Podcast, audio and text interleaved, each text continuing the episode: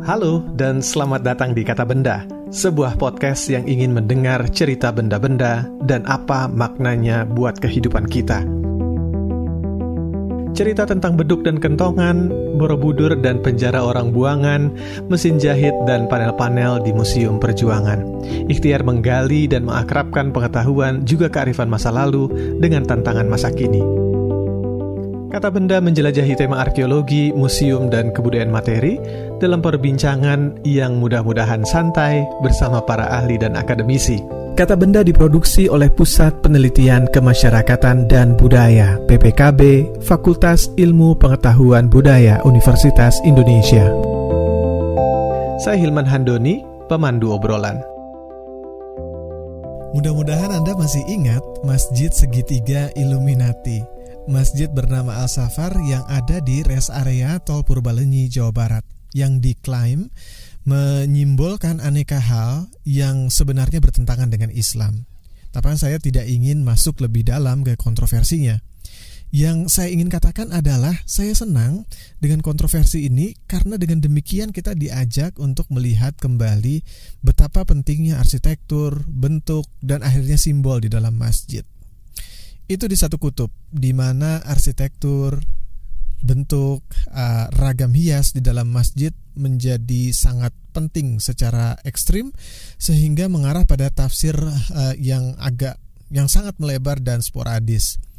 Tapi di kutub yang lain ada juga fenomena kita menerima begitu saja arsitektur masjid bahkan cenderung menyepelekan sehingga nyaris tidak ada makna atau pelajaran yang bisa ditarik darinya. Nggak ada yang ngeh kenapa sih masjid mesti pakai kubah? Kenapa masjid harus megah? Kenapa masjid mesti pakai menara? Dan kenapa juga masjid nggak boleh pakai segitiga? Kita akan menengok warisan budaya kita, masjid-masjid di Nusantara, untuk melihat sekali lagi bagaimana hasil kebudayaan materi mengajarkan kita tentang keragaman, dalam hal bentuk, rupa di dalam masjid, dan akhirnya membuat kita lebih bijak. Ini penting dalam situasi sekarang yang punya tendensi pada keseragaman dalam pemahaman bahwa Islam itu mesti kayak begini dan begitu. Kalau tidak begini dan tidak begitu, maka itu bukan Islam. Dengan kata lain, kita ingin menengok masjid warisan budaya kita untuk membantu uh, kita menjawab tantangan masa kini. Saya berbincang-bincang dengan Dr. Isman Pratama Nasution, salah seorang staf pengajar di jurusan arkeologi Universitas Indonesia yang punya spesialisasi dalam bidang arkeologi Islam di Nusantara. Dia juga menulis disertasi yang membahas masjid-masjid keraton atau masjid-masjid sultan di Nusantara dari abad 16 sampai 20.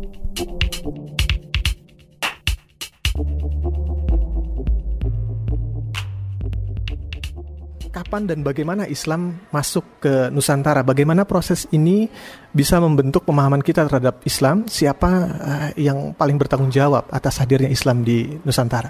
Tentu kalau kita berbicara mengenai Islam di Indonesia atau dahulu Islam di Nusantara, tentu kita bisa memulai dari melihat jejak-jejak tinggalan budayanya atau jejak tinggalan budaya materi. Nah, jejak tinggalan budaya materi atau warisan budaya Islam masa lalu bisa kita lihat pada makam-makam kuno Islam, bisa kita lihat pada bangunan-bangunan masjid tentu dari masa Islam, bisa kita lihat juga pada keraton dan juga tinggalan artefak lainnya. Nah, berdasarkan jejak tinggalan budaya Islam tersebut kita bisa mengetahui kapan Islam masuk ke Indonesia. Perihal tadi eh, kapan Islam masuk ke Indonesia, beberapa pakar, beberapa ahli itu sudah membuat pandangan ataupun hipotesa kira-kira kapan Islam masuk ke Indonesia. Ada dua pandangan besar Islam masuk ke Indonesia. Yang pertama berdasarkan tinggalan arkeologisnya, Islam masuk ke Indonesia diduga pada abad-abad ke-13 dikemukakan oleh Salah satunya adalah Snokronya berdasarkan tinggalan artefak dijumpainya makam nisan dari eh, Raja Samudra Pasai yaitu makam Malik As-Saleh. Pandangan yang lain ada yang menganggap bahwa Islam itu masuk sejak Islam sudah hadir di muka bumi karena sejak Islam diperkenalkan kepada masyarakat pada zaman Rasulullah ada periode di mana Rasulullah itu atau Nabi Muhammad diperintahkan, dianjurkan untuk menyebarkan Islam ke berbagai wilayah di luar Arab.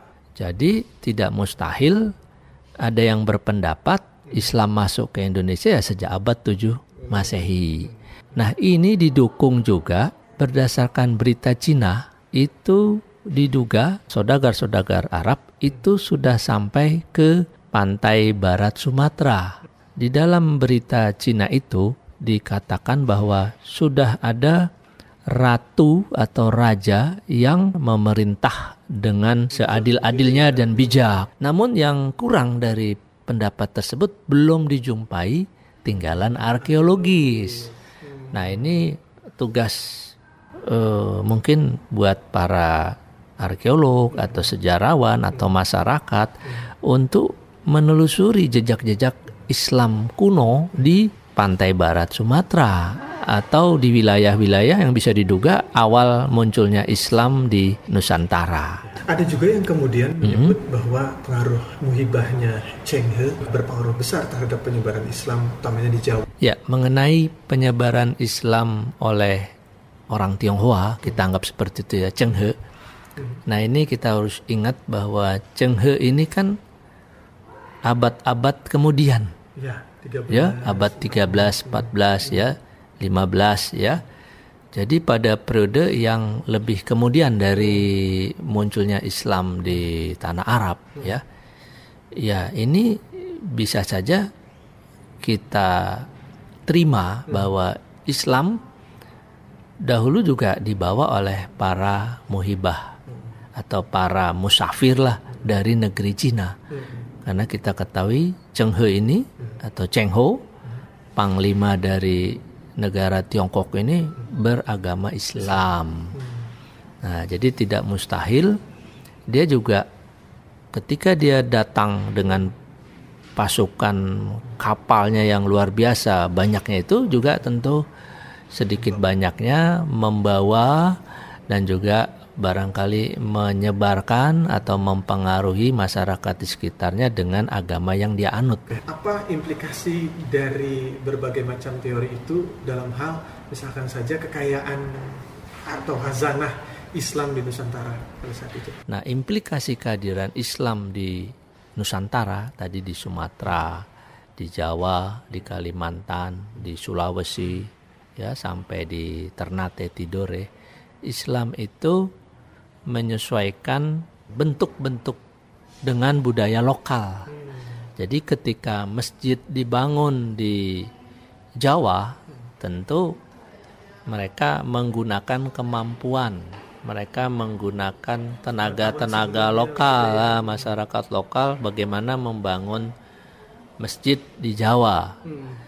Ketika mereka sampai di Sumatera, tentu mereka juga kan perlu ibadah ya, tempat ibadah masjid atau musola atau surau tentu mereka membangun sesuai dengan kemampuan disesuaikan dengan budaya lokal sehingga bentuk masjidnya disesuaikan dengan budaya setempat. Oleh karena itu kita bisa melihat ada keberagaman bentuk-bentuk masjid di Sumatera ya terutama Sumatera Barat itu beda dengan bentuk masjid di Aceh misalnya. Beda lagi dengan bentuk masjid di Jawa. Sebenarnya kalau sekarang kan kita mengidentikan kalau anak SD mm-hmm. disuruh bikin masjid, mm-hmm. itu pasti yang akan digambar adalah kubahnya duluan, menaranya, lalu bulan sabit dan seterusnya. Yeah. Tapi sebenarnya dalam Islam, arsitektur Islam mm-hmm. membuat sebuah masjid itu ada pakemnya nggak sih Pak? Nah sebenarnya kalau kita berlandasan pada agama Islam, tidak ada aturan tidak ada kesepakatan yang jelas di dalam Islam bentuk masjid itu seperti apa. Yang utama di dalam uh, aturan agama Islam, masjid itu adalah tempat ibadah. Jadi oleh karena itu perlu ada ruang yang cukup untuk ya. kita beribadah. Bentuknya seperti apa? Tidak ada masalah. Itu yang pertama. Namun di dalam Al-Qur'an hmm. ada ayat yang menganjurkan untuk umat Islam itu hmm. mempunyai kiblat ya oleh karena itu itu menjadi pakem hmm. menjadi aturan hmm. masjid mau dibangun di mana pun bentuknya seperti apa pun orientasi kiblatnya harus ke arah Masjidil Haram, hmm. ke arah Ka'bah. Nah, implikasi arsitektur, implikasi dari perintah itu, masjid di mana pun punya orientasi yang ditandai dengan adanya uh, mihrab, uh, bangunan atau ruang untuk imam memimpin sholat ke arah Ka'bah itu. Tentu perlu kita catat juga orang yang mau beribadah itu perlu bersuci, perlu membersihkan diri atau berwudu. Nah, salah satu fondasi dasar umat Islam untuk beribadah tentu bersuci dahulu. Oleh karena itu, di mana pun masjid selalu ada kolam berwudu, ada air mancur. Ya, nah Dahulu ketika masjid awal dibangun itu di tengah-tengah masjid ada pancuran, pancuran air, air untuk kita berwudu. Nah sekarang tentu masjid-masjid masa kemudian kan orang e, menyiapkan air berwudu, menyiapkan tempat untuk bersuci sebelum masuk ke dalam masjid. Tapi kemudian yang sampai kepada kita kan bahwa uh, masjid itu kubah, mm -mm. menara segala mm macam. Itu bagaimana prosesnya ya Pak dan kenapa kemudian itu sangat menjadi sangat populer ketika Nabi hijrah dari uh, Mekah, ke Madinah hmm. lalu Rasulullah itu mendirikan masjid pertama hmm. yaitu Masjid Kuba hmm. Ketika Rasulullah memerintahkan untuk bagaimana uh, mengumpulkan umat Islam untuk datang beribadah singkat cerita itu terjadilah uh, Bilal hmm, muazin, di ya. muazin pertama hmm. untuk naik ke atas uh, bangunan masjid pada saat itu hmm. untuk melakukan azan. Nah, jadi setelah itu orang berazan di tempat yang tinggi supaya terdengar ke mana-mana untuk datang ke masjid proses sejarah itu menjadikan munculnya pemikiran para arsitek kemudian membangun menara. Jadi menara masjid itu muncul juga sejalan dengan implikasi ritual ibadah umat Islam. Terkait tadi soal bentuk atap kubah, kalau kita lihat masjid awal di apa Masjidil Haram itu kan Ka'bah itu atapnya bukan kubah ya, atapnya flat rata ya uh, hanya memang di beberapa masjid di Madinah hmm. itu diberi kubah hmm. ya atau menara hmm. ya. Nah menara-menara itu pun kemudian atasnya diberi kubah hmm. ya. Perkembangan atap kubah inilah yang kemudian berkembang hmm. di masa-masa dinasti setelah periode khalifah empat ya empat khalifah, eh, empat khalifah ya. hmm.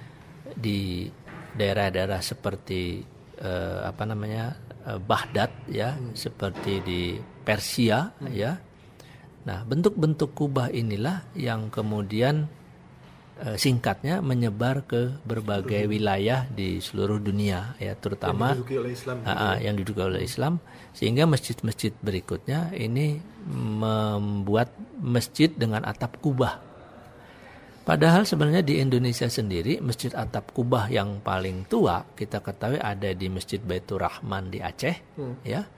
Dan juga beberapa masjid di Jawa ya. Itu dari awal abad yang lebih muda ya, abad-abad 19. Hmm. Ya. Abad-abad 19. Masjid atap kubah itu bentuk atap masjid yang lebih muda, lebih kemudian dibandingkan bentuk atap masjid yang atap tumpang. Pada masa sekarang anak-anak atau generasi muda itu melihat bentuk-bentuk masjid dengan atap kubah. Iya. Nah, ini kita ingat di zaman Orde Lama, Presiden Soekarno bercita-cita membangun masjid yang paling megah di dunia itu salah satunya kita kenal adalah masjid negara, masjid Istiqlal. Nah, bentuk atap masjid Istiqlal, Istiqlal itu adalah bentuk atap kubah. Nah, itulah juga menjadi uh, salah satu apa namanya acuan membangun masjid-masjid setelah itu atapnya kubah. Hmm. Ya, meskipun sebelum masjid Istiqlal itu kita ketahui masjid atap kubah di Jakarta itu ada masjid yang ada di Kebayoran itu ya. Masjid Al Azhar itu juga beratap kubah ya. Nah muncullah masjid-masjid beratap kubah pada abad 19 abad 20 ya yang sangat terkenal ada Masjid Baitur Rahman ya. Masjid-masjid di dunia Melayu itu umumnya juga iya, beratap kubah ya. Masjid-masjid di Jawa itu akhirnya merubah juga bentuk-bentuk menjadi masjid beratap hmm. kubah, kubah. ya. Hmm. Bahkan kalau Anda lihat di Sumatera itu ada beberapa masjid yang atap bawahnya tumpang, di atasnya dikasih kubah. ya. Jadi ada bentuk campuran. Ini adaptasi dua-duanya ya? Campuran dua-duanya. Ya? Iya. Beda dengan di Sumatera Barat. Kalau di Sumatera Barat karena sejarah dan fenomena budaya di Sumatera Barat di mana eh, apa namanya kompromi hmm. politik budaya dan etnik itu menjadikan bentuk atap masjid di Minangkabau atap eh, rumah gadang. Rumah gadang. Bentuknya sangat unik kalau di Sumatera Barat ya. Beberapa masjid di Jawa juga hmm. uh, tidak kemudian memakai menara. Hmm. Ada semacam instrumen yang harus ada di masjid kuno, yaitu hmm. beduk. Hmm beduk dan juga kentongan dalam Betul. beberapa ini. Itu juga apakah bisa dimaknai sebagai juga adaptasi bahwa di Indonesia mungkin eh, di Nusantara saat itu hmm. untuk membangun menara yang tinggi itu mahal dan hmm. tekniknya mungkin susah. Gampangnya pakai beduk dan kentongan aja yang sudah dikenal. Ya, baik. Jadi kalau beduk atau kentongan itu kan sebenarnya sebelum Islam datang, hmm. masyarakat kita itu menggunakan kentongan ya atau beduk hmm. itu untuk memberitahu tentang peristiwa sesu, peristiwa yang terjadi pada satu saat atau pada satu masa. Hmm. Jadi kentongan itu sudah dikenal pada masa pra-Islam. Pra-Islam sudah ada. Sudah dikenal hmm. kentongan itu. Ya. Nah, ketika Islam datang, hmm. nah kentongan atau beduk itu kemudian diadopsi ke dalam masjid. Jadi sebelum azan biasanya beduk atau kentongan itu dibunyikan dipukul dahulu, dulu. dipukul uh, dahulu. Yeah, yeah. Jadi umumnya masjid-masjid tua hmm. kalau anda datang ke masjid di Jogja, hmm. di Solo, ya beberapa masjid-masjid tua itu punya kentongan dan punya beduk. Sekaligus dua-duanya. Ah, dua-duanya ya. Jadi kentongannya dulu diketok, hmm. setelah itu baru beduknya. Hmm. Nah ini memang memperlihatkan uh, masjid atau arsitektur masjid di Nusantara ini mengadopsi budaya yang sudah ada sebelum Islam. Hmm. Kalau anda keliling dari Sumatera ke Jawa ya dan beberapa tempat lain, itu yang namanya kentongan atau beduk itu sudah ada di beberapa wilayah hmm. di Nusantara hmm. dan bahkan sampai sekarang hmm. beduk itu masih bisa ditelusuri, masih dipakai dan digunakan di dalam memanggil azan tadi. Hmm. masih ada. karena memang tradisinya dahulu beduk atau kentongan itu dipakai untuk pemberitahuan hmm. untuk memberi informasi kepada masyarakat. Jadi ya Islam mengadopsi aja budaya yang sudah ada meskipun menara sudah ada, meskipun sekarang teknologi juga sudah maju mm -hmm. dengan uh, toa dan sound system mm -hmm. yang luar biasa, mm -hmm. tapi tetap ada. Artinya itu tidak mengalahkan fungsi uh, kentongan dan beduk begitu ya pak. Yeah, yeah. Itu sangat menarik bahwa uh, dari bentuk atap, keberadaan menara, lalu beduk dan kentongan itu kita bisa sebut sebagai kontestasi nggak sih di masjid itu? Iya, kalau kita lihat dari segi Eh, sejarah hmm. Islam menyebar hmm. ke muka bumi ini sebenarnya kan Islam menyebar ke buka bumi ini ya ke berbagai wilayah di mana pun kan tentu dengan cara damai ya. Ya. Jadi Islam itu menggunakan eh, sarana-sarana lokal, menggunakan budaya-budaya lokal agar Islam diterima oleh masyarakat setempat. Oleh karena itu saya melihat bahwa sebenarnya Islam tidak berupaya melakukan sebuah kontestasi ya dengan budaya lokal, Lokal. namun dia berupaya mm, menyesuaikan budaya lokal itu ke dalam Islam selama budaya lokal itu tidak melawan akidah Islam. Dalam Islam itu kan yang penting pengakuan kita terhadap keesaan Allah Subhanahu wa taala ya dan pengakuan kita terhadap Nabi Muhammad sebagai rasulnya. Itu yang utama. Di luar itu silahkan. Jadi Islam mengadopsi budaya lokal seperti tadi menggunakan kentongan, menggunakan beduk, memakai bentuk atap kubah atau atap tumpang, menggunakan beberapa nanti ukiran-ukiran di dalam masjid atau di dalam makam.